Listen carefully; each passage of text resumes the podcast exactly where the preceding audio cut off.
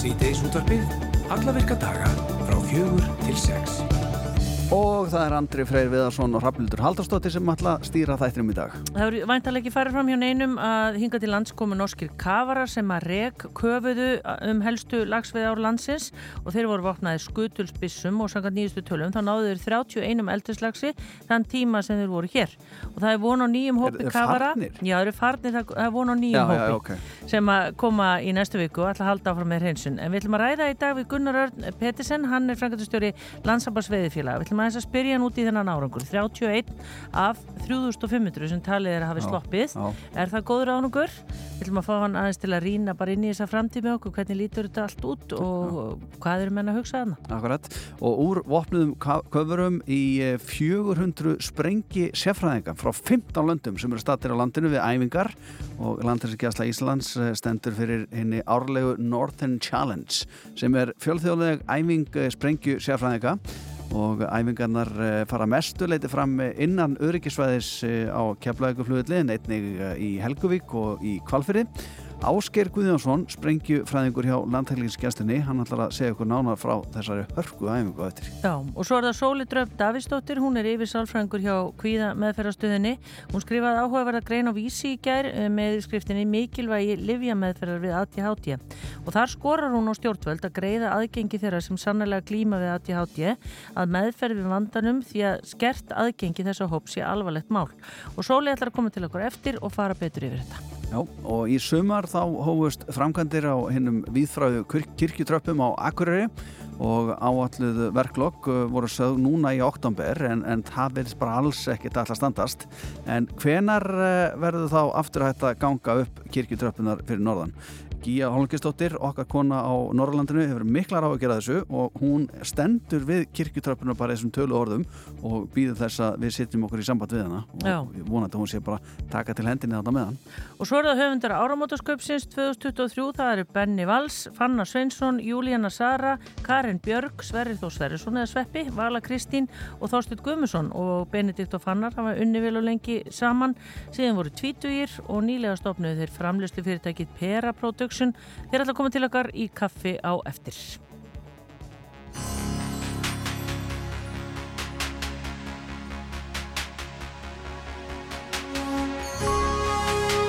Já, þið veitir hvað þetta þýðir. Við ætlum að fara að fjalla um sportið og alltaf þegar landsliðin okkar eh, já, ætla að rúlla upp öðrum liðum þá fer þetta stef í gang og uh, við erum oftar en ekki með sérfræðing okkur við hlið en þessu sinni er okkar sérfræðingur uh, hún Helga Marget Hörskuldsdóttir hún er stödd í Þýskalandi í Bochum þar sem að leikur Þýskalands og Íslands í þjóðateld Kvenna í knattspinnu fer fram Ertu þarna Helga? Ég er hér. Já, þú ert þarna, uh, sæl og blessuð, hvernig er stemningin á vellinum? Heyrðu, rétt í þessu var eh, allt að tryllast af því að liðin voru að ganga inn á völlin. Eh, eins og sagðir, þá er ég í bokkum þar sem þessi leikur fer fram og hér er bara, held ég, 15.000 manns eh, samankomnir á, á, vellinum og ég veit ekki hvort þið heyrið að íslenski þjóðsöngurinn er, er farin í gang Oh. en þetta er allt saman að bresta á. Já, En þetta er gríðalegu fjöldi áhörvenda sem segir með okkur það að bara mikill áhuga á, á hérna knarspinninni hérna í Þýskalandi, hvernig knarspinninni? Já, svo sannarlega og, og, og Þýska kvennalandsli hefur náttúrulega lengi verið einn af þessum risum í, eh, í kvennafótboltanum svona síðustu, bara síðasta ekki eins og síðasta ár, bara síðustu mánuðir hafa eins og verið ákveðin vonbreyðir það er komast ekki búið reyðlunum á, á heimsmeistarmótunni í, í sumar og svo fyrsti leikurinn þeirra eftir eh, þau vonbreyði var móti dönum núna á föstudaginn og þær tapa honum líka 2-0 þannig að þetta er svona smá vangbrotið þýrst lið, þjálfarinn er í veikjendarleifu og ímislegt annað. Þannig að en þrátt fyrir það, þá er fólk nú sjálfsögum mætt á öllum Já. þannig að verður bara Já. að styðja liðið í blíð og stríðu. ég segi bara gott á þær, ef ekki að hlusta eins á þjóðsöngin. Já, gerum það.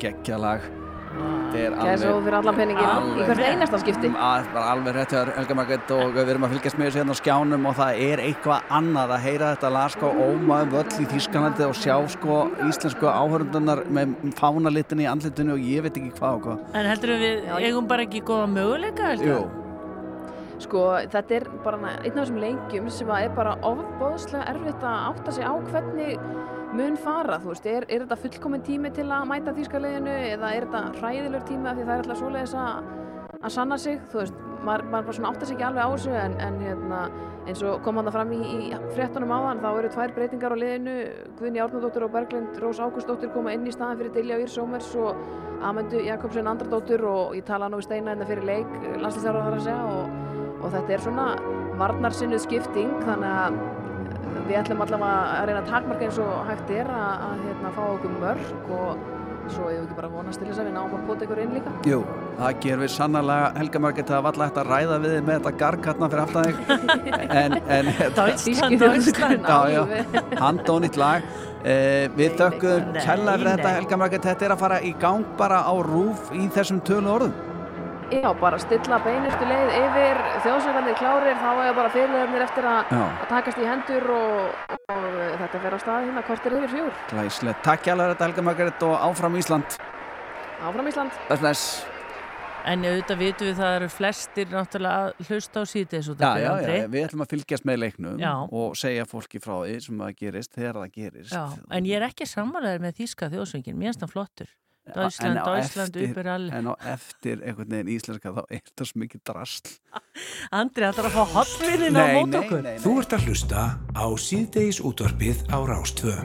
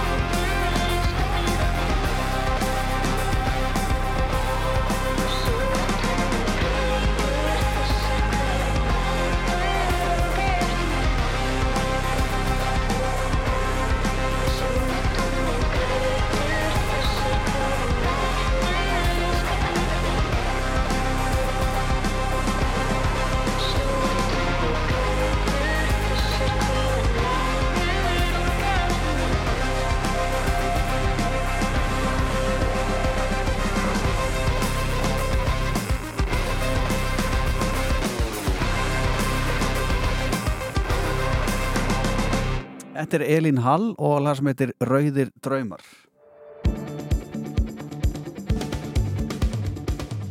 Sólei Dröfn Davísdóttir, yfirsálfræðingur við kvíða meðferðarstöðuna, skrifaði grein á vísi í gær með yfirskriftinni Mikilvægi Livja meðferðar við ATHT og þar skorar hún Sólei á stjórnvöld að greiða aðgengi þeirra sem sannlega glíma við ATHT að meðferð við vandanum því að skert aðgengi þess að hóp sé alvarlegt mál og Sólei er hingað komin og verður velkomin. Takk.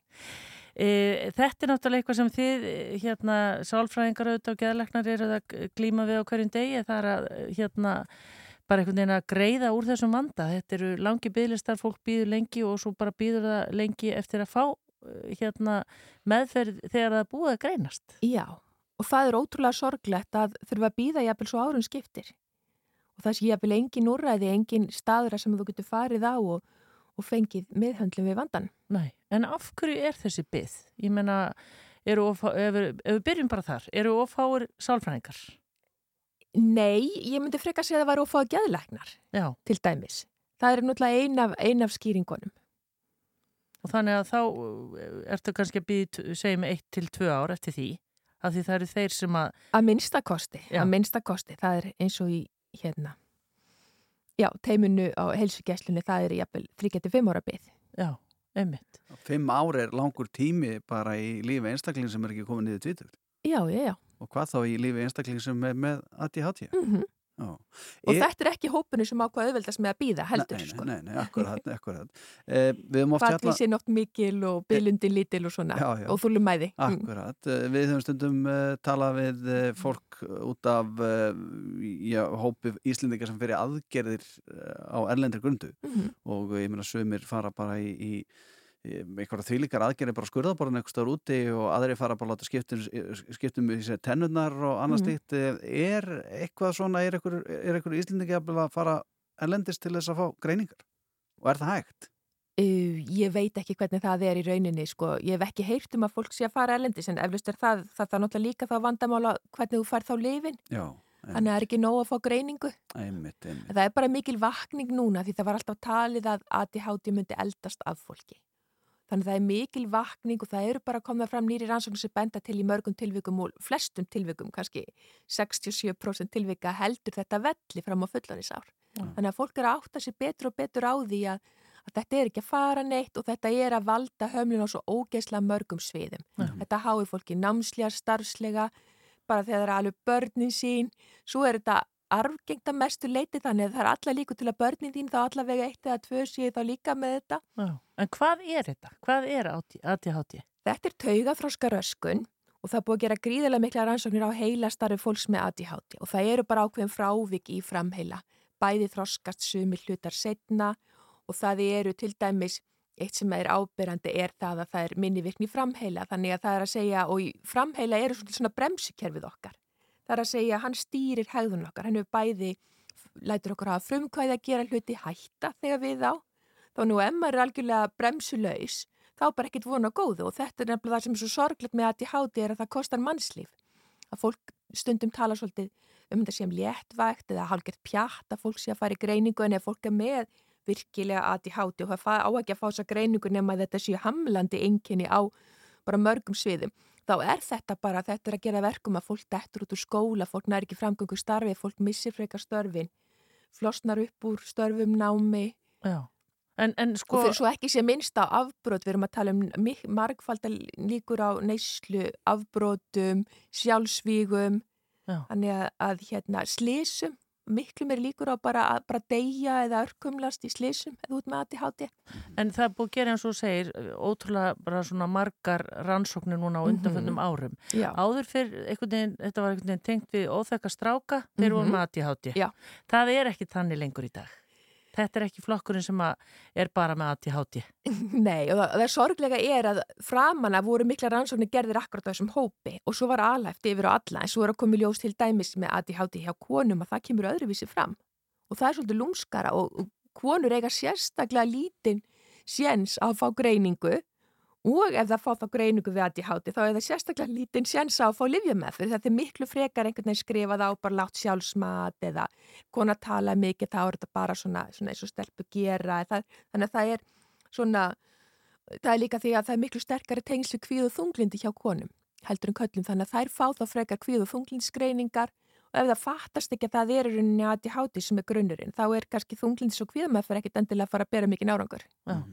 Hvað hérna, þú svona kallar bara eftir einhvern veginn vakningu, hvert þessum málum og þú Já. segir það vantar fleiri gæðlakna, það er náttúrulega þeir sem eiga ávísa lifið. Mm. Eru við líka með ákveðna fordóma fyrir því að fólk sé að fara því að þið talaði með þessi amfetamin hérna skilt lif sem Mhm. fólk fær, að þá eru við strax búin að ákveða já, emmitt.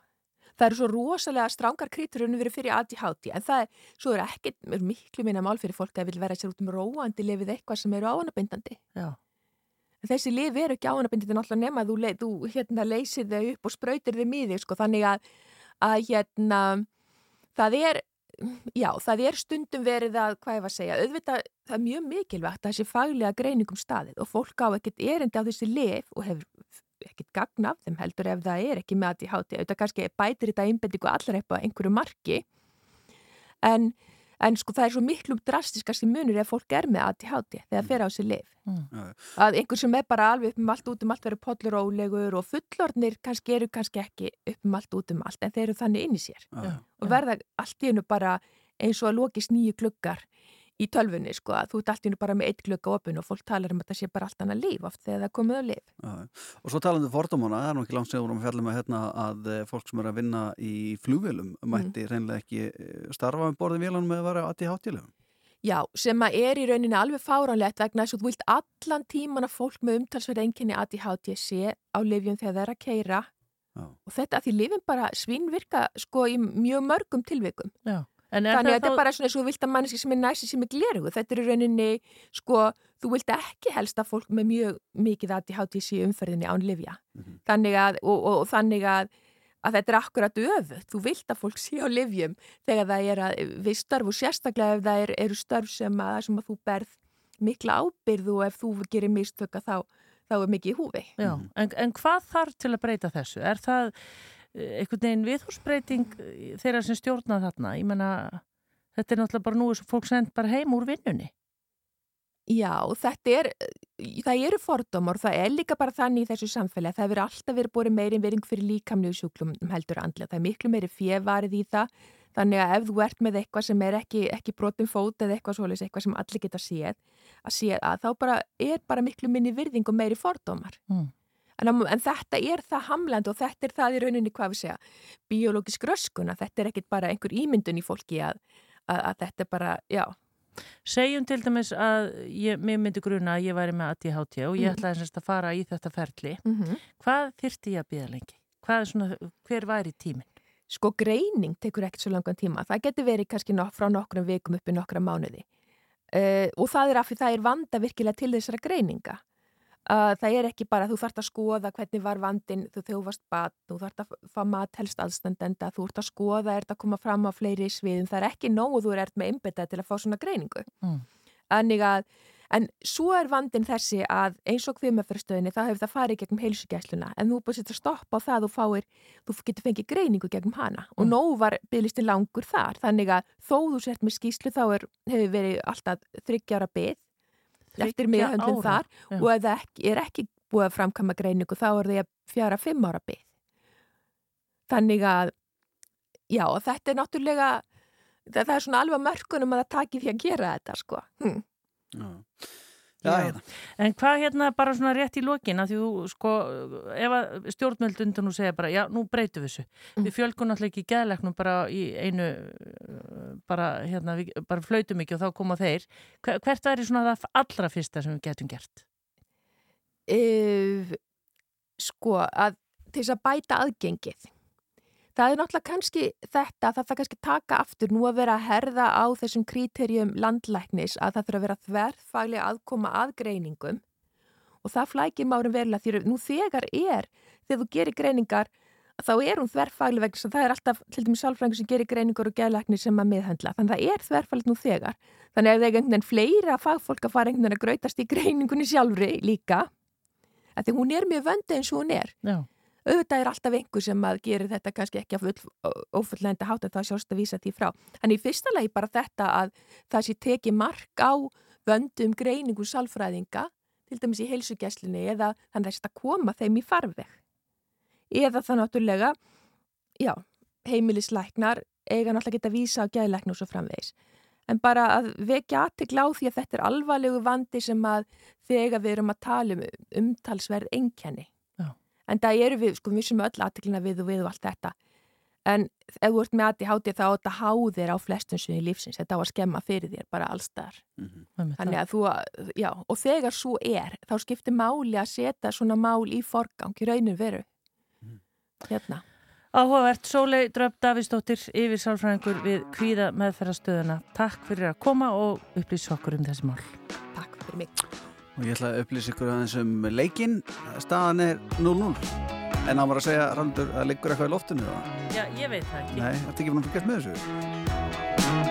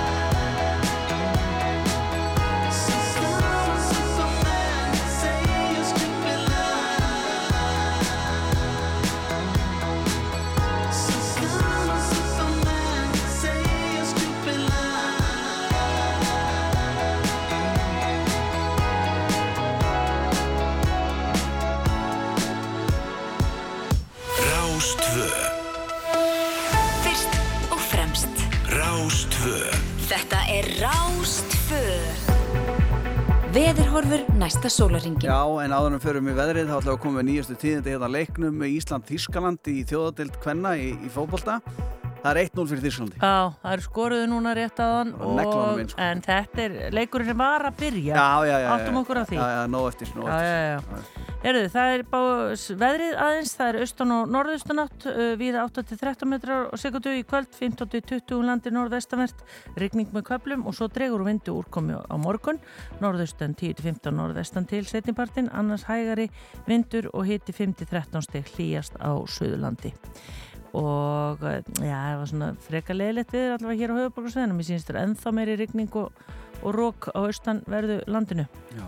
uh, Ég er með nokkra staðarendir hérna um daginn í dag 2007 Já, Já. en áður en ég fer í þær þá er ég líka með skúp já, nú Já, kannski að þú veitur meira um þetta en ég já, En uh, það sást til uh, Boga og Örvars á Arnarhóli ger er það? Já, Nú, nú, umgríndir myndagölum hvað segir Já, ég bara, þau? Comeback? ég bara veit það ekki Nei, maður spyr sig. Já, maður spyr sig Já, já. sig, já. Nei, ég veit ekki neitt Nei, nei, en á þessum degi árið 1942 þá var það ríkið sem að laði niður engasölu sína á bifræðum sem að uh, það hafði haft í, í sjö ár.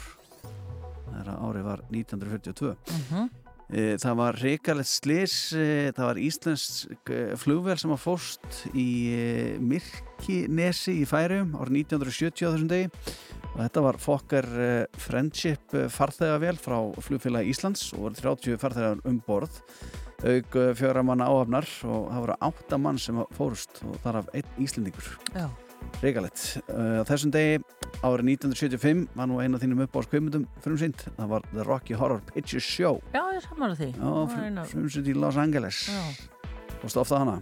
já geggjum mynd. Já, var þetta svona þannig myndir sem að fólk var ofta á. Já, maður þessi og grís og sjarnarætt Já, já, einmitt, einmitt, einmitt og Towering Ferro Já, já, já, já, svo, svo kemur akkurat sami hópar fyrir oft á bíó og Mamma Mia þegar hún kom í, í, í einmitt. bíósin Já, og árið 1988 þá komst upp um uh, Livja misnokun Ben Johnson sem að hafi sett heimsmet í 100 metra hlupi já þessu glemma nú ekki. Nei, ekki ég heldur með bróðum við var svo opinn að vera með svo mikið að myndum að þessu manni búið að vekja sér. Aha, Já, þetta var, var þungt högg í maðan sko. já, En Þetta er svona það sem fá frá mér í dag. Við ætlum bara að senda boltan norður á Akureyri og það er að gíja okkar hóngristóttir við kirkjutröpunar en ekki hvar. Og hún er að fyrir það að sjá að þetta gengur ekki nóg used to be together every day together, always. I really feel that I'm losing my best friend. I can't believe this could be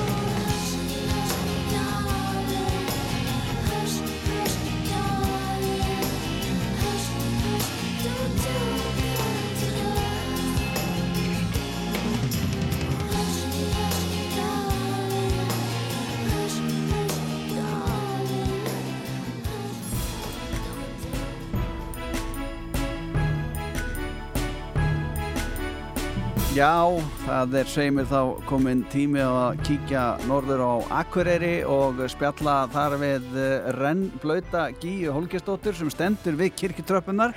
Sælablessuð. Og var hend út. Já, ég blessu og sæl, gaman heyri ykkur.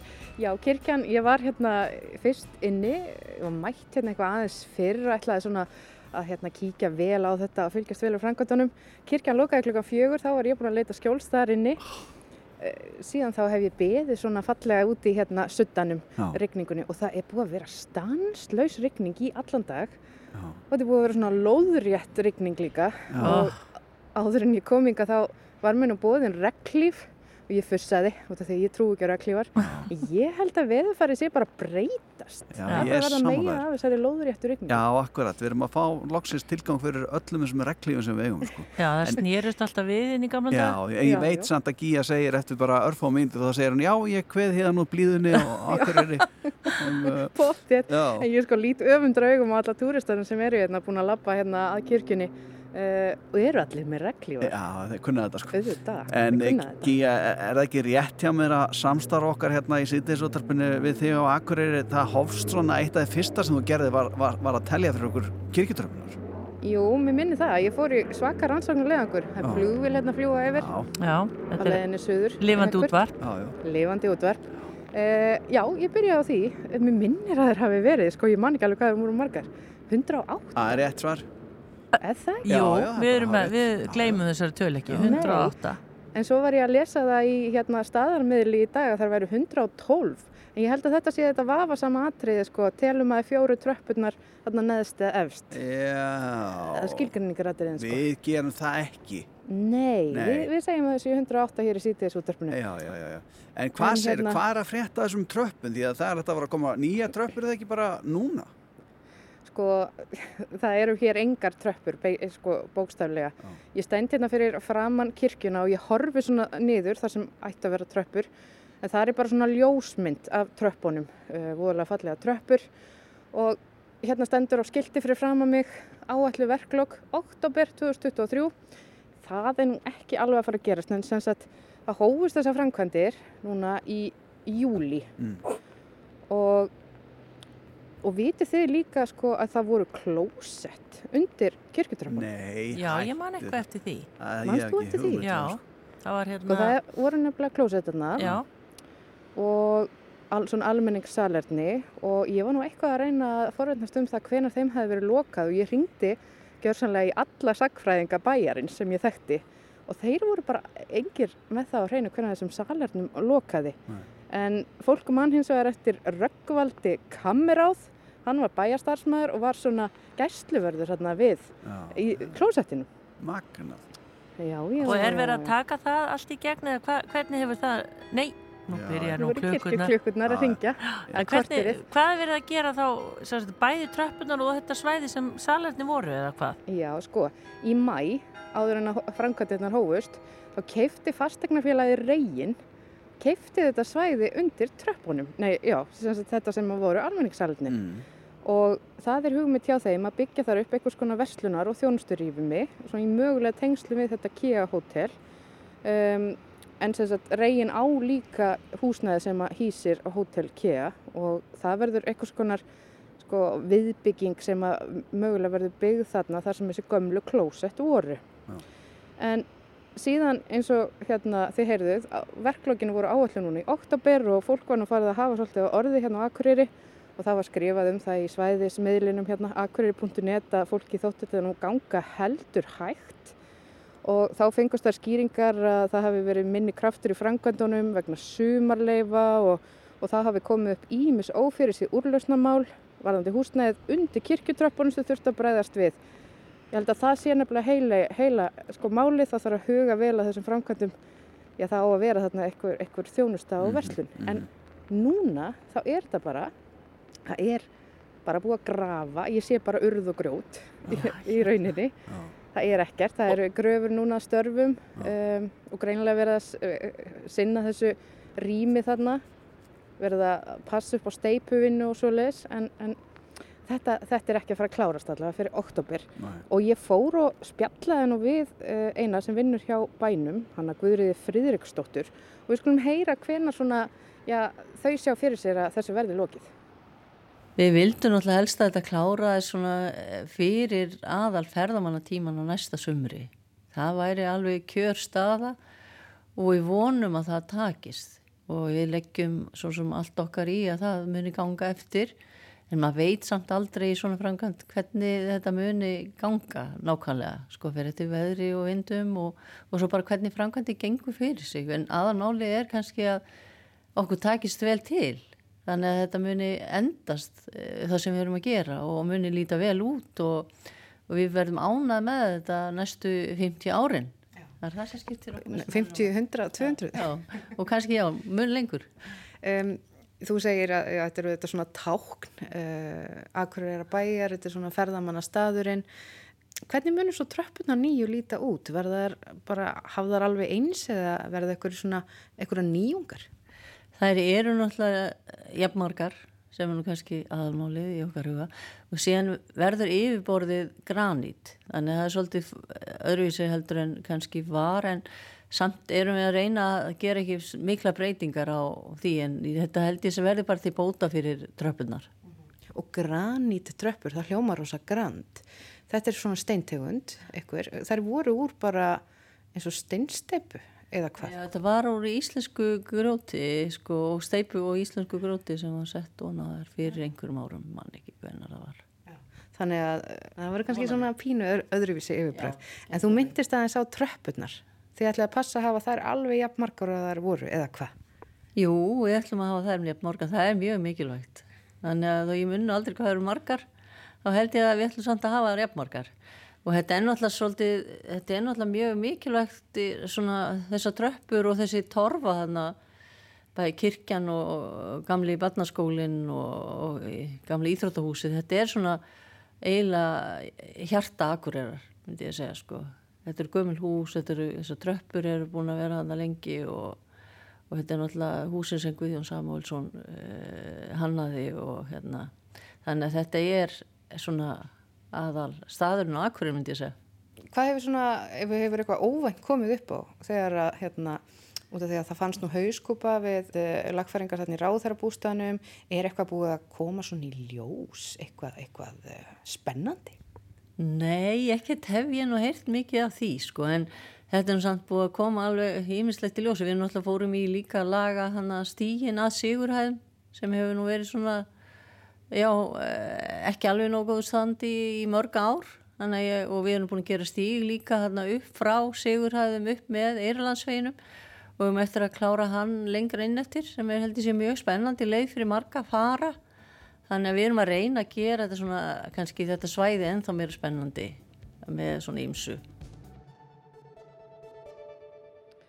Já, þetta sagði hún Guðriður sem að vinnur hérna hjá Akureyrabæ og já, það er bara þannig að þetta verður ekki fyrir næsta sumar í fyrsta lagi sem að verður hægt að ganga hérna aftur upp og niður kirkjutröppunar á Akureyri. Og þetta er príði, Akureyra príðin, kirkjutröppunar. Já, sjálfar. Og þetta er ekkert bara príði, þetta er líka, sko, það er ekkert auðvelt að komast hérna upp og niður, sko, þetta er gönguleið fólks til þess að fara í vinnu.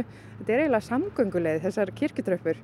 Og hún sagði mér að konan hérna í kirkjunni áðan að að það þurfti nú eiginlega að finna lausn og við stungum upp að það væri bara gott að setja rennibraut hérna niður. Já, Þá væri hægt að renna sér, í vinnuna þannig. Ég er einmitt að sjá hérna sko, ég er að skoða hérna hvort að AK Extreme gæti ekki notfært sér þetta eitthvað þegar það er svona- lengri Það eru brekka. alls konar möguleikar, alls konar möguleikar. Ég lítum En- bara að björtu hliðina hérna. Já, já, en svo myndist hún á hérna stígakerfið, eh, hún Guðrýður og það er búið að setja upp eitthvað, eitthvað stígakerfið. Það fennu að verða ansi erfitt að fara um það eh, þegar það byrjar að, að verða svona blöytt og aðeins kannski kemur snjór og svona. Mm. Um langar svona aðlokum að minnast á það að ég er að horfa hérna yfir á Sigurhæðir, Mm. þar sem að Mattias Jokkumsson, vinnur okkar, átti heima Já. og hann samti aftur texta með hvaða lag.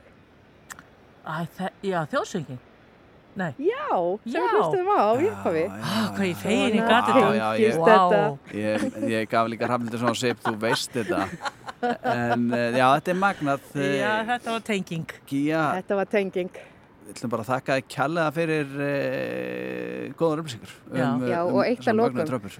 Þegar þessar tröppur verða komnar upp, þá mun ég gera samanburðar rannsókn og ég mun koma á staði hvort að þetta verða jafn margar tröppur. Endilega, endilega, þá verður við með tækið á röldinu og spjalla við ykkur allan tíman á meðan. Já, úr blaðamennska. nú ferðu úr Já. og takk fyrir þetta og fórnaði fyrir sítiðisúttarpið. Takk fyrir, gangi ykkur vel. Já, Takk fyrir, bless, bless. Já, já, það er slæma fréttir af þessum landsleik. Ó, það var er að annað sko. mark hjá þjóðverðum, það er fengu víti. Já, Við svo sem getum ekki alveg einbytt okkur hver skoraði eða neitt svoleiðis. nei, nei, nei, nei, vorum að spjalla á En hana það ekki. voru semst að skora, það er Já. 2-0. Það er 2-0 og uh, það er ekki 40 minnur búin á leiknum. Nei, nei, nei. Allt í góðu, það er nóg að stegum eftir í bóttunum, sko.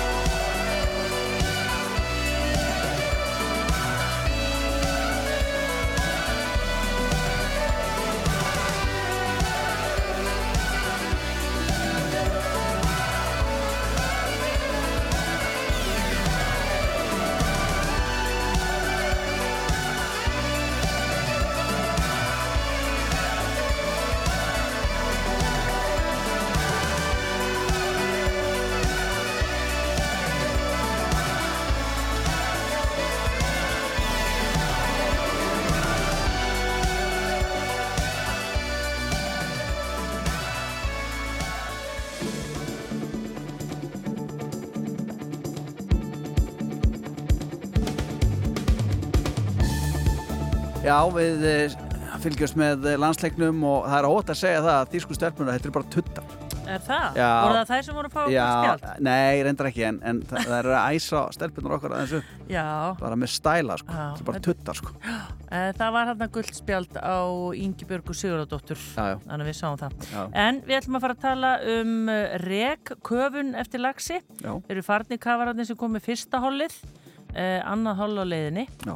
og eh, hann ætlar að ræða okkur um Gunnar Rött Pettersen sem er frangatustjóri í landsambands veiðifélaga Akkurat, hann er með nýjastu tölur, Já. veit hvað þetta kostar, eh, hvað við vonumst til að ná mörgum og hver árangurinn er að þessu alls saman. Já, Þetta verður til alltaf mikið umfang fyrir fá að fiska. Einmitt. Finnst okkur sem ekkert vitum, sko. Nei, nei. Eh, svo ætlum við líka að eh, kynna okkur risastóra eh, æfingu hjá eh, sprengi sérfræðingum sem eru stattir hérna, það eru 400 sprengisefræðingar á landinu frá 15 löndum og æfingar eru fullum gangi í þessum töluð orðum og við erum svo heppin að fá að heyra aðeins í áskýri Guðjónssoni sprengisefræðingir hjá landhelgiskesslinu eftir. Já, svo ætlaði að koma til okkar Benedikt Valsson og Fanna Sveinsson sem eru tveir af stóru teimi sem að verður uh, með áramótusköpið í ár. Já, þeir eru ekki bara að skrifa, þeir eru líka framlega sko. Já, já, já, þetta er tundur lið þarna. Já, já, já, þeir eru ekki sko, þeir eru ekki litli lengur. Nei, Að löngu búin að Er finna. það? Já, fullt, þeir eru komið hálfsku uppklárt. E, fyrst fréttir. Þú ert að hlusta á síðdeis útvarpið Á Rástvö Líkt og komið hefur fram í fréttum þá komu yngar til lands norskir kafarar sem að rek köfuðu um helstu lagsveiði ár landsins og þeir voru vopnaðir skutulsbyssum og sákat nýjustu tölum. Það náðu þeir 32 eldislagsið þann tíma sem þeir voru hér og það er von á nýjum hópi kafara til að halda hreinsun ána áfram í næstu viku. Og uh, við hingaði komin Gunnar Örd Pettersen sem er uh, frangatustjóri landsambars veiðifélaga og verður velkominn. Takk fyrir það. Hvað segir þú um þessar tölur? 32, þeir eru búin að ná 32 lagsi af talið, ja, talið að 3500 hafi sloppið. Já. Er þetta, er þetta ekki bara dróp í hafið? Jú, sjálfsög, þetta er náttúrulega bara dropp í hafið og, og hérna, e, við hefum búin að veiða núna 230 fiska í ánum okkar síðan að þetta slís varð og, og það er náttúrulega gríðalt magn og sýnir bara fram á umfang tjónsins sko og bændur og landið undir bara leggja nótt í dag við að reyna að ná sem mestum fiski og við auðvitað náum við aldrei öllum fiski þrátt fyrir kavara, þrátt fyrir ádráttanett og, og allar þeirra aðgerið sem að við munum beita núna næstu vikum og mánuðum en, en þetta sýnir bara hversu veist, mikið að fiski hefur í rauninni sloppið og er, í- er, er á ferðinni Já. skiptir hundruðum, jafnvel einhverjum þúsundum sko, sem Já. hefa gengið upp í átnar og eru í rauninni að hætta þessi stefna vilda laxastofnum í hættu Já. Nú er þetta norskir kafarar sem komum til landsins uh, og uh, þessir tveir sem eru núna búin að veiða upp þessa 30 fiska, þeir eru að fara og þá koma nýjir og taka við það ekki. Jú. E, á þetta eftir að ganga svona fyrir sig lengi?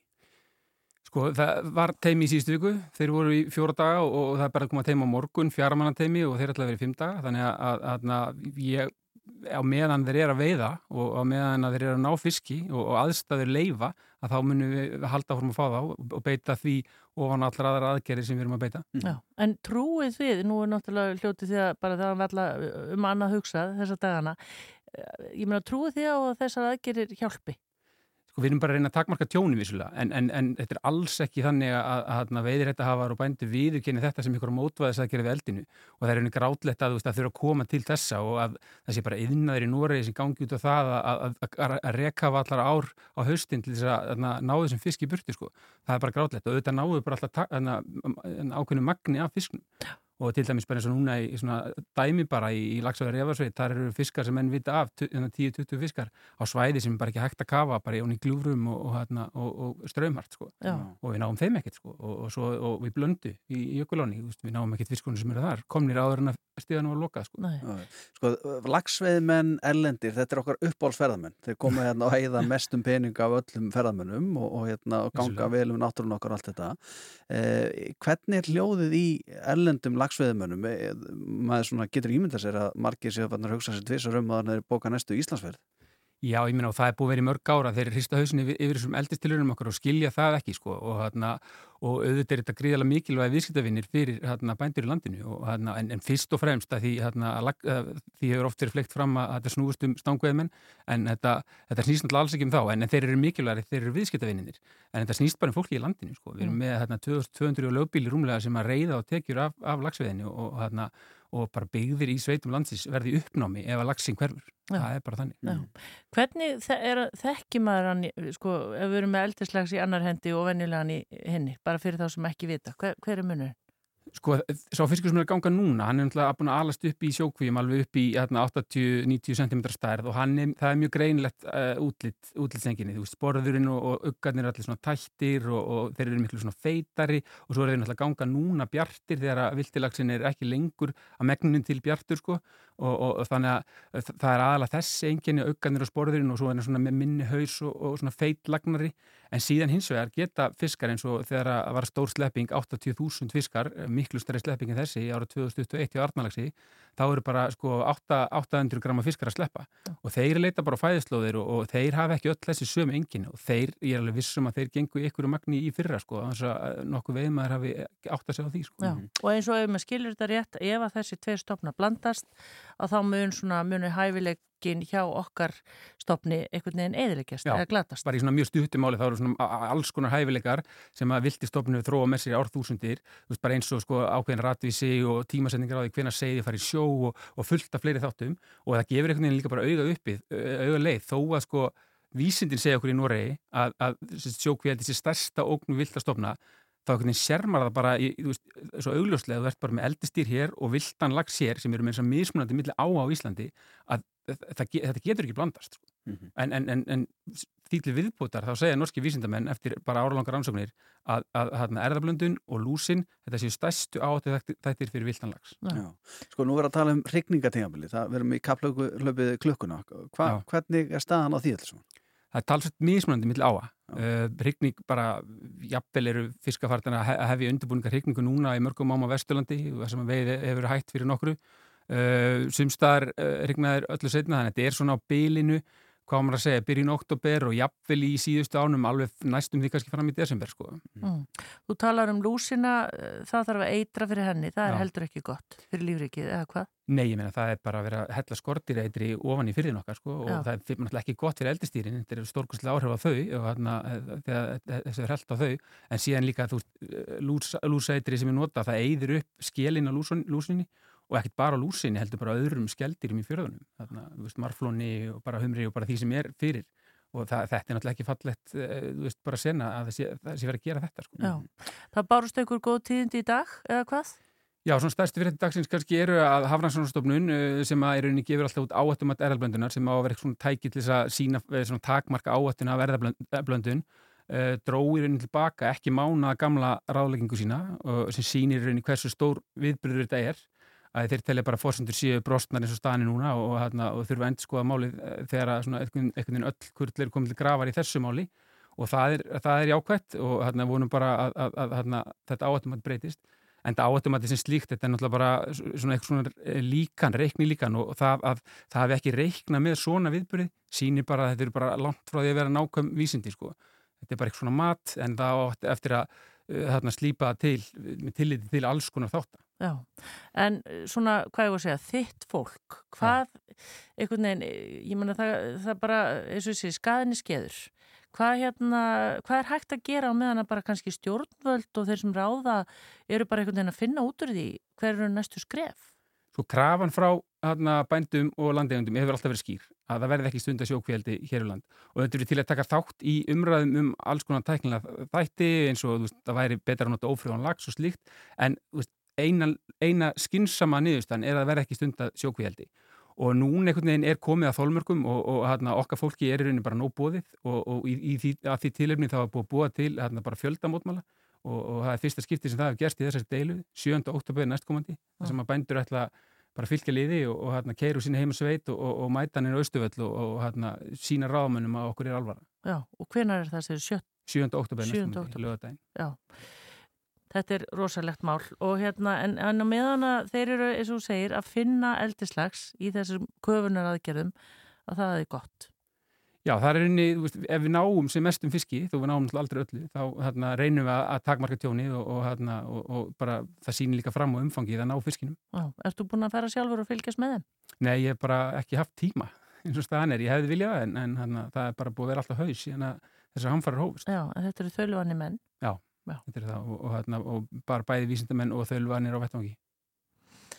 Það verður áhugavert að fylgjast með þessu áfram en takk kærlega fyrir komininga Gunnar Ört Pettersen, eh, frangöndustjóri Landsabas Veðifíla. Takk fyrir komina. Takk. Svo látt síðan ég var hér síðast Stóðum á topnum fyrir 13 árum síðan Nú hef ég gengið gegnum tvenna tíma Bannandi mönnum er sem best að lifa, lifa. Ég hugsa um mystikinn, sambundinn, vinni sem að hundi lættu Maðurinn sem ég var, reyndist vera rángri stefnu. En í dag, hjartalag, mitt er en það sam og síðast. Strákur sem að vildi skín en þurfti bara lengri tíma. Ég sé, ég sé heiminn nú, frá fleiri sjónarhornum Ég loksins orðin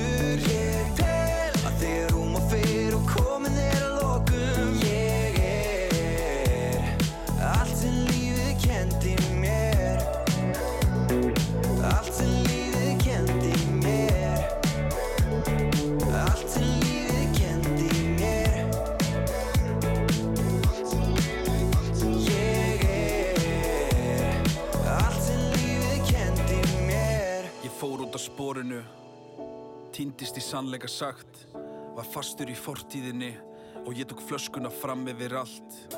13 ár, þúsund ár, allir hafa djöful að draga, allir hafa einhverja sögu og mín byrjaði á komdu tilbaka. En ég læri alltaf meira, lífið stækkar, tíminn læknar, sárin gróa, árin róa, ég vil meira, ég vil heyra, en ég stopp ekki og ég hætti ekki, að trúa mig, ég er fljúandi eins og fyrildi yfir heiminin, pappi sjáðu mig, litla strákið þinn. Ég sé, ég sé heiminn nú, frá fleiri sjónarhornum Ég sé, mínu speilmynd, er loksins orðin stoltur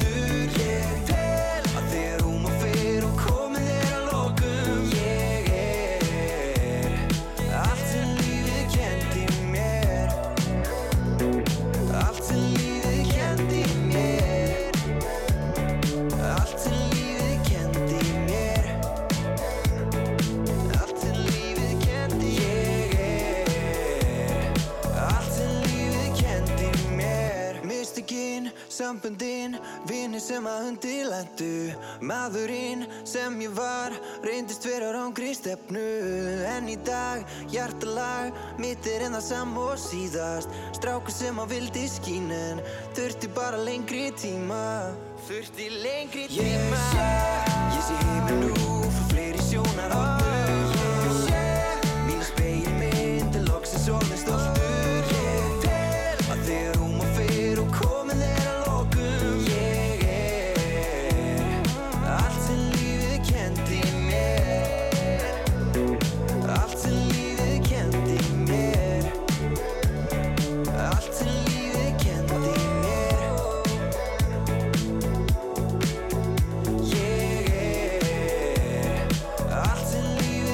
lífið kendi mér Rástvö Taktu hátegislega með Íslandsdeild Amnesty International alla miðjögunda í september kl. 12.05. Heitt á könnunni og fræðslu erindi um fjölbreytt mannréttindamál. Nánar á amnesty.is Liprari liðir með turmerik frá Iceherbs. Náttúrulega og kröftulust fyrir liprari liði með töfrum turmeriks frá Iceherbs. Fæst í næsta apoteki og stórverumarkaði. Notaðir bílar frá Kia með alltaf 6 ára ábyrð. Skoðaðu úrvalið á notaðir.is eða kontu á Krókáls 7 og gerðu frábær kaup. Við tökum vel á mótið þér. Askja, notaðir bílar. Fallegu stúkk og steinefnaspöslin okkar eru þekkt fyrir glæsileika styrk og fáun. Áferðin er sem samskeitalauðs náttúrusteinn og hendar jamt á veggi, gólf og votrými. Sérefni, Dalvegi. Hér er skemmtileg aftreying og frábært bíó. Hér er smáralind. Hennunadagar í Ylva. Sófar, hægindastólar, borstofuborð og þekkt vörumerki á frábæru verði á hennunadögum. Sjáumst í næstu Ylva-verslun. Náttúrulega gott nesti. Flóridana. Lifiðu vel. Harðparkett dagar. 25 til 50% afsláttur á yfir 20.000 fermetrum af harðparketti. Egil Árnason, Suðurlandsbröð 20. Söngvaskáld helgarinnar er Una Torfa. Treyðu þér miða. Salurinn.is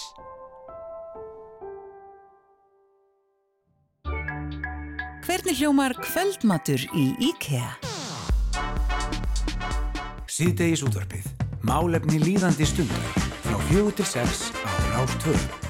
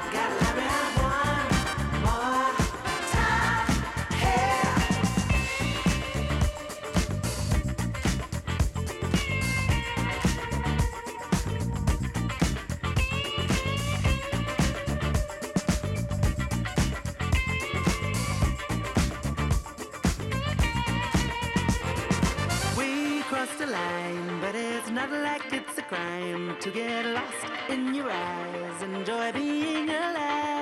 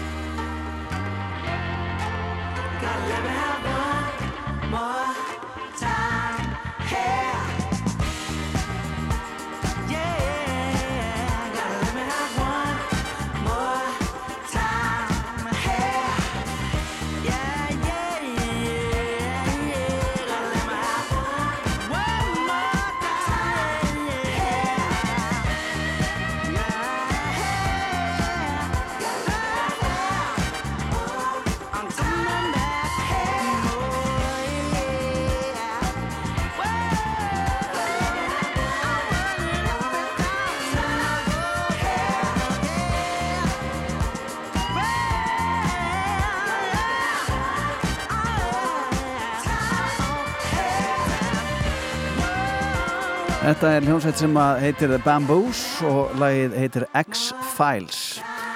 En hér á landi eru stattir ja, um 400 sprengi sérfræðingar frá 15 löndum og uh, þetta er allt í tengslum við Northern Challenge sem er uh, fjölþjóðleg æfing sprengu sérfræðinga og þessar æfingar er fara fram innan öryggisvæðis á keflaugu flugulli og við erum svo heppin að vera með á línunni einn af þessum 400 sprengju sérfræðingum, hann heitir Ásker Guðjónsson og er sprengju sérfræðingur hjá Landhelgiskesslunni og hann er á miðri æfingu, sælablesaður. Já, blessa, hvað segir þið? Þokkalegt bara, þegar við heyrum sko 400 sprengisjafræðinga frá 15 löndum, samakonir hérna á landinu, þá býst maður við eh, já, sprengingum og látum, er það tilfelli? Uh, nei, kannski ekki á þeim skala sem fólk skildi hugsa. Þetta er svona mæri, minni, minni kvellir kannski ættu hakkvæpissu eitthvað slíkt en, en ekki sem heyrist út til svæði svo sem held ég sko. Nei. En hvað er nákvæmlega verið að æfa þarna? Herðu, þetta er verið að æfa hríðverkarsprengjur og svona heimatilbúinarsprengjur, uh, sprengjur sem búið eiga við kannski sem getur verið vext mjög framleitt sem er samt búið að fykta eitthvað og breyta. Um, og það alltaf er tíðarandin, hann alltaf séur alltaf svolítið út á æfinguna, hann breytir hvað er, hvað er æfing hverju sinni, núna er Östur-Evrópa náttúrulega svolítið heitt kartabla og það er uh, það sem við erum að líta til að þessu sinni og uh, söguð þráðun æfingun er svolítið í kringu það má segja. Er þið þá að, að æfa líka við að finna sprengjur og svona, aftengja þeim með það er mikið jarðsprengjur sem eru á þessum svæðum í Östuröðubróf sem að, minnast hérna á til dæmis? Já, sko, þetta, þetta skiptist í sko svolítið margar hluti. Við Íslandingar eru nú ekki sérfræðingar kannski beint í jarðsprengjum sem slíkum. Sprengjusérfræðingar skiptast nokkuð stík. Það er þetta hernaðalegar uh, svo vextmjög framleita sprengjur og þar eru menn erlendis margir miklu betur þjálfaðir þar sem við erum ekki með jarðsprengjur á Íslandi sem betur fyrr.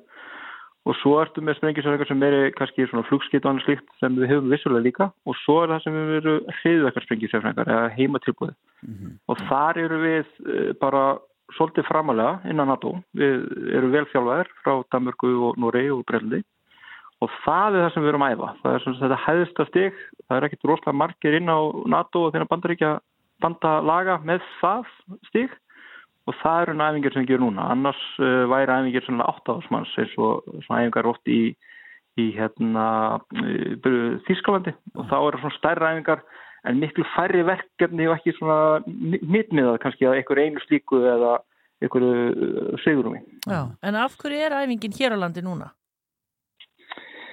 Herðu, þetta er í 22. skiptið sem við höldum þetta í röð. Við hefum ekki mist út æfingu. Við náðum, það var smá gati í COVID og heldum litla æfingu þá uh, og innan vallarins bara, fáir uh, eftir reglum. En uh, hún er hérna fyrst og fremst því að uh, umgjörðin sem við setjum á Íslandi er svo, semast, uh, má segja landsvæðið er eitt. Það er ekki sjálfgefið að fá að sprengja og vera með sprengjefni erlendis, það er mikið regluverki erlendis og mjög erfitt og þungt.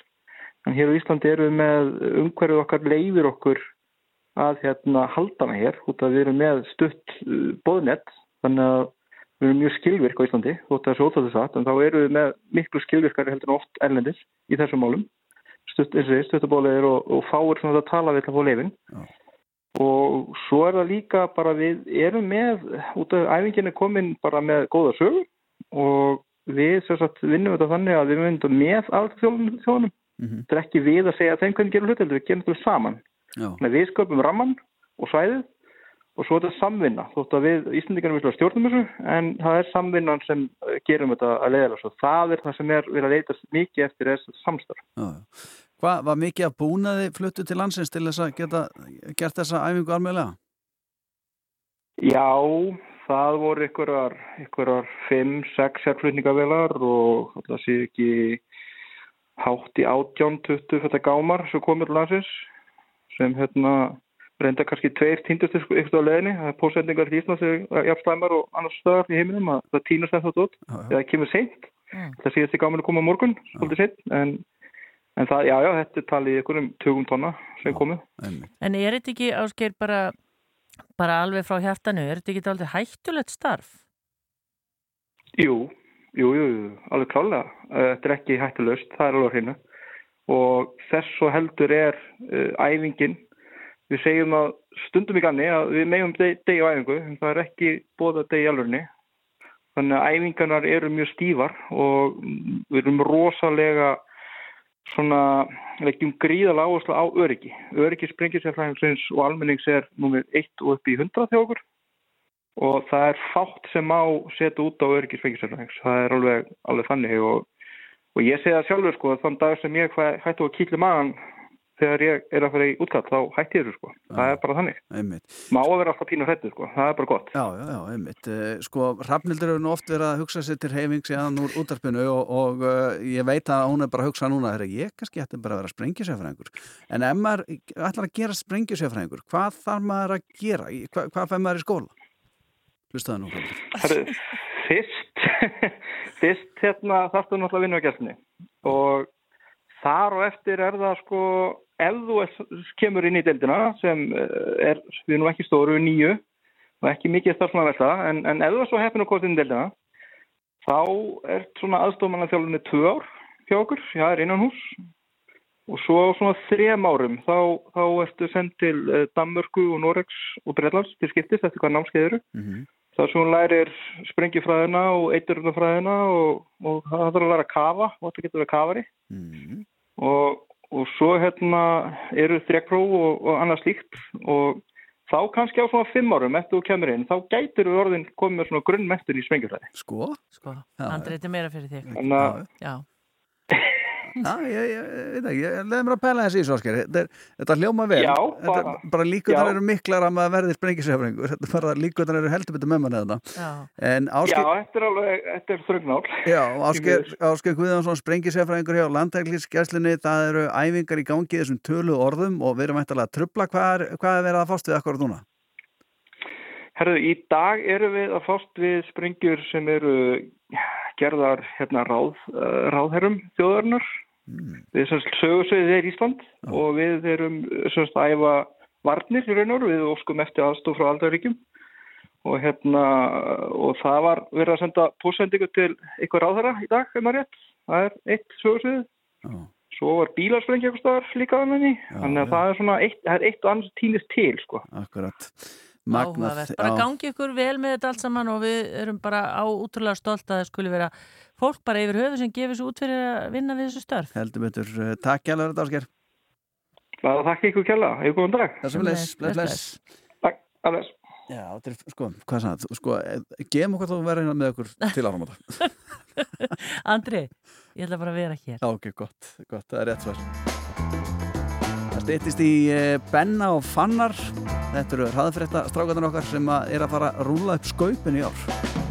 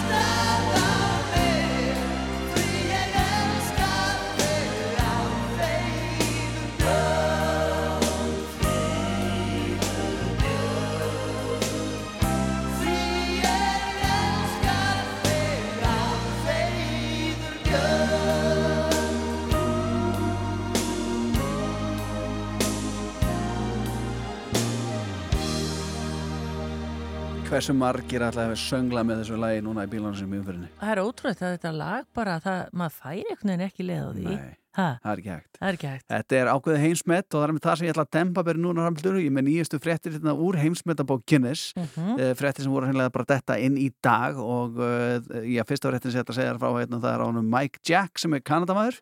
Uh, hann uh, er svona einn af þeim sem er mikið í því að setja met í að borða hluti hratt og uh, nú var hann að setja met í því að, að borða sem flesta uh, svona Caroline Reapers sem er ákveðin tegundar svona chilipepar uh, Hefur smakað, veistu hvað? veistu hvað Nei, er? Vá.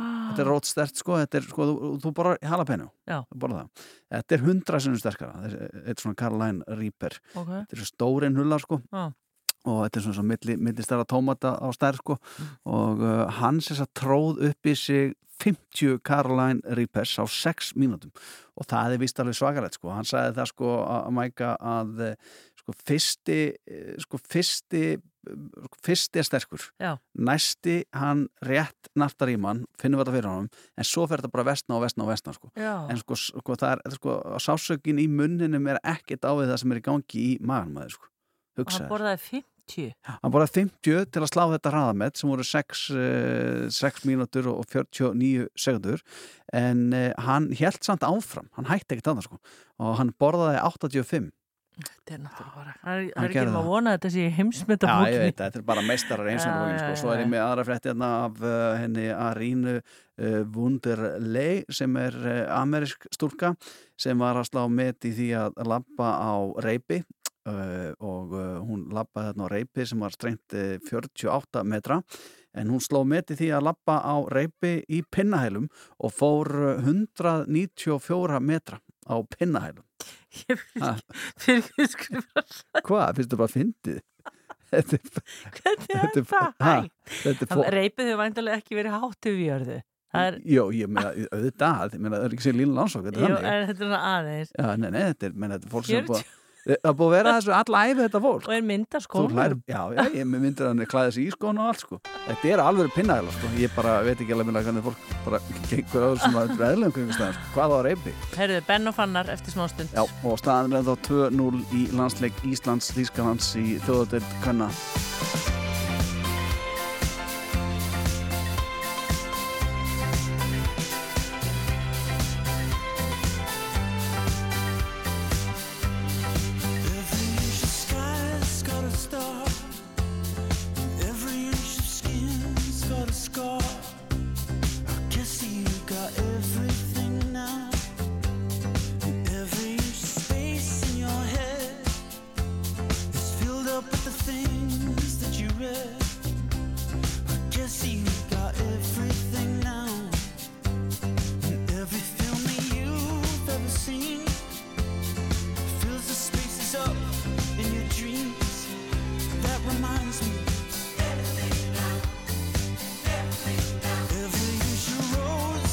time.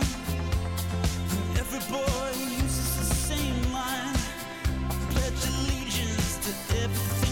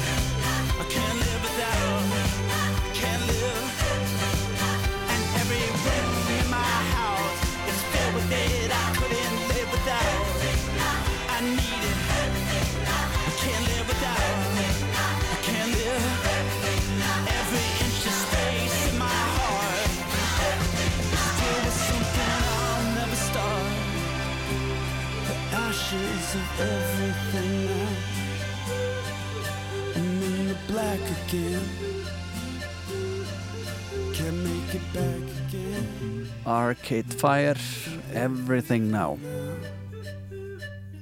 Það eru konin gestir til okkar? Já, syngja með það, gera að falla að ég bara var til að fanna að myndi syngja þess með hérna. Já, ég ætlaði að gera það, það voruð ég í því. Já, bara ekki vera feimum, það er allir vinnir hérna. Fanna Sveinsson og Bendit Valsson eru mættir og þetta eru drenginnur okkar sem að eh, alltaf verða kentir við hraðfretta ah, Ég verði ekki alltaf kallaðar hraðfretta Jú, alltaf ekki, ok, okkur þykir líka bara væntið það held ég Ekki? Jú, mjög, Já.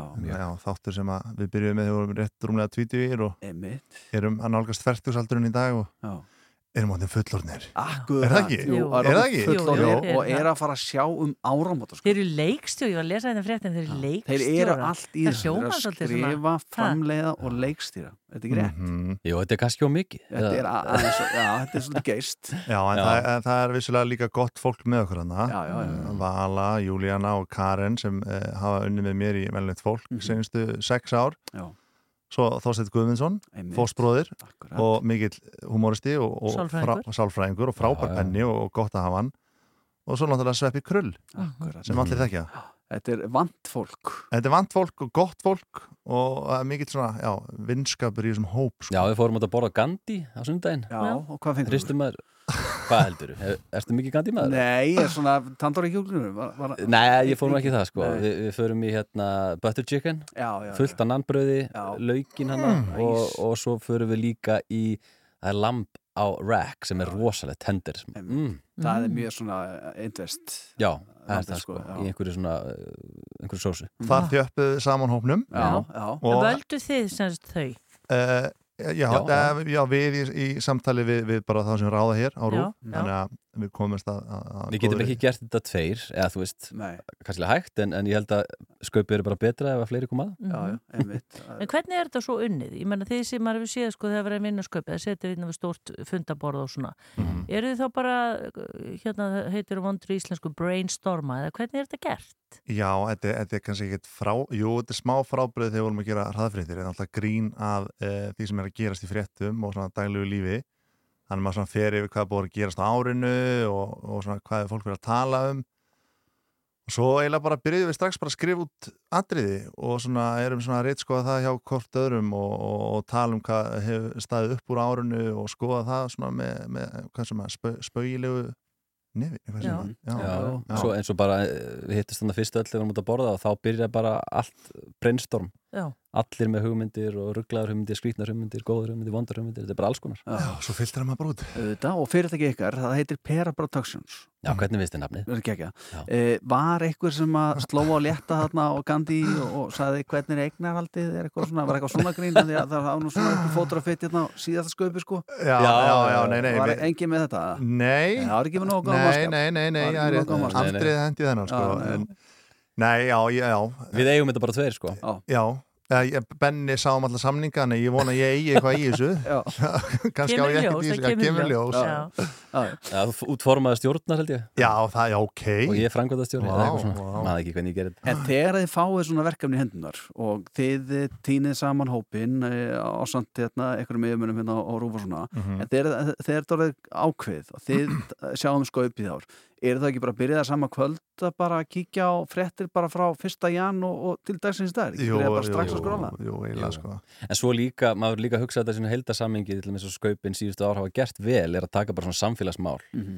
og það er ekki endilega að vera endilega leitandalust fram í janúar hvað gerðist, hvað gerðist, hvað gerðist sem engin mann eftir Já, já. þetta er meira svona líka bara hvernig við Íslendingar erum og hvað við gerum og, og allt það Já, en það er náttúrulega sko, umtala, það er engin þjóð sem er með einhvern einn sjónvarstáttur sem allir horfa á. Nei, þetta er þetta er auðvitað galið. Já, þetta er er- 98% þjóðarinn að horfa á Já, þetta? já. Þá ég, ég viðkjöni það að ég, við báðir eða við erum, við erum bara með kvíðan út í maganum sko. Já. og hann ferur ekkert fyrir en bara hana, Já. Fyrsta janúar. Já, það er svo þarf að huga því líka sko, hverjum ætti að borða með á gamla svo svona, þú veist, með hverjum ætti að horfa ætti bara að vera tveir saman í þetta Ég var ekki búin að leiða hugan að þessu Nei. en, en núna þú segir það, Það má maður ekki að skipulega eitthvað gott. má ekki vera mikið af fólki. Nei, og eitthvað svona fjarskildur sem er smá í nöfið sko, þú vilt ekki hafa hann. Þetta er bara ekkert fyndið. Já, akkurat. Vilt hafa já-fólk bara. Nei, svo er þetta náttúrulega líka breyður hópur. Þetta er allt frá bara, bara litlum börnum upp í, upp í gamalt fólk þannig að maður þarf líka að hugsa svolítið þannig. Já. það þarf að ná til allra. Já, já. en fyrst og fremst að vera bara fyndið og skemmtilegt Mhm. þú veist, vera beittir en ekki særa og svona, það er alls konar formúlur í þessu um, þannig að já, það er að vanda til verka Já. Mm. Það er hérna, þetta er sérst, Pera Productions, ég Mhm. meina þið eru væntilega í alls konar verkefnum en hafið þið tíma til að gera eitthvað annað núna er þetta ekki bara vinnan ykkar frá með núna til áramóta? Jú, jú, jú, jú, jú. við svona köstuðum öllu frá okkur eða svona, nei, nei, við getum alltaf eitthvað að vera í einhverju en, en, en svona, jú, þetta er aðalverkefni það er alveg, þannig, maður tekur þessu líka mjög alveglega Já. Hrafnildur er búin að segja örgulega svona 15 sinnum núna bara undan Áður en ég vissi að þeir væri leikstjóra Já, já, bara svona undanfanna daga er hann búin að segja svona 15 sinnum þegar að, að sko, einhver staðar glittar í kafara með spjót Já, og hún já. lagsveið á Mhm. þá segir Hrafnildur, það þann nú ekkert að skrifa skaupið þetta lítur að vera í skaupinu e, Það eru vist fleiri búin að segja þetta við þau Já, Já, ok. við hefum fengið að heyra þetta Já. bæði í Þannig að Hrafnildur er kommentakerunum greinlega búin að segja þetta Já, hún er bara svolítið virk í kommentakerunum Nei, hana. nei, ég, þetta var bara eitthvað svo rakið Jó, er- jó, ég held að lík- líki við að þetta, þetta Þó það sé ekkit fyndið, Nei, nei, nei, það er mikið talað um eldislags og Já. allt þetta lagsa mál allt, sko. En kannski bara nú að byrta þetta myndskið. Já, ég held það. að það er ekki að leika neitt eða Já. ráða fólki að leika. Henda því innan Já, svo, svo- svo er líka smá trikk segi ég bara sem aðdáðandi sköpsins í gegnum árin að finna atrið sem að fólk uh, þekkir strax. Að maður sé ekki, veitu, hvað, hvað er verið að grína Já, þarna? Já. það þarf að finna eitthvað sem, sem flestir tengja við og er svona pínu fyrir ekki að í sletti svona mainstream Já. og náu til flestra Viljið þið fá ábendingar frá hlustendum? Já, Hrafnhildur með líka ábendingar. endilega Og já. hvert á fólk að senda það? fólk getur bara skrifað okkur sketsa Já. svo við þurfum bara ekkert að búa það til Já. og bara senda það á Við erum, Við erum, mail, mail. við erum ekki með neitt svona fannar eða bennat pera, þetta er alltaf eitthvað svona bla bla gmail sko Já, já, já, já. Þannig að býðum aðeins með það en, Já. en endilega bara finnið okkur bara á netinu og senda okkur Mhm. ábendingar og hérna Það er fólk þá þakkir í kreditlistan já, já, já, en nú eru alveg að bjara minna okkur sko. En jú, eða ekki? Jú, jú, jú, þakka fólki. þakka fólki fyrir já, já, já, já. spennandi tímar framöndan uh, hjá ykkur félagar og, og hérna, það verður gaman að sjá hvernig þið farið með þetta. Ég hef enga trú að öðrun þetta verður algjör snild sko. Takk fyrir það. Takk fyrir. Þannig að sjáu hverju mötta að bjóða að vera með okkur á gamla. Já, verðum við andra. Kannski við verðum með áramóta partí. Já. bara svona stórt sköpspartí. Já. það sem að svona Jáliði. jáliði mætir. Já, já, já, okkar fólk. Einhver tíman, ég hef nú sagt frá þessu áður hérna í útarpinu en, en það er ekki að segja fólki frá eitthvað sem er búið að gerast hérna og gerast hérna í, í sjónvarpi allar landsmanna. Mm. þá þegar Rapp Gunnlaugsson var uh, sjónvarstjóri þá var svona partí í beinni útsendingu úr útvarshúsinu sko. Stuðmenn að spila? Jú, stuðmenn og Jón Páll og Hófi að dansa og bara geggjuð stemning sko. Er þetta eitthvað? Þetta geti, já, þetta geti Þetta virkað spara eitthvað vinnuna. Já Hendi gott partí, ég mæti. Hrafnildur já, við erum bara með stand-up og svona. Já, einmitt, ykkur gleði. En var þetta hvað tengslum við árumönda sköpið? Já, þetta var svona gamlás sko. Gamláspartí, Já, gamláspartí Já. sem var að Koma gjóti ekki bara eftir skaupið, eða ekki? Jú, og Rapp fór sko upp og, og spilaði á munnhörpu gerða ógeðslega vel maður. Ótrúlegur. Grafa þetta upp, ég, ég man ekki eftir þessu. Þetta er skemmtilegt sko. Já, þetta er gott koncept. Þú ert ekki í hópnum, Andri. Nei, ég er bara svona, ég er kannski að reyna að koma inn í partíð. Þú skipilegur það bara Ég gerði það. Já Út aðgestur Klárt, Já. uh, takk kjallaður aðstrákar, Bendit Valsson og Fanna Sveinsson og enn og aftur gangi ykkur vel með skaupið. Takk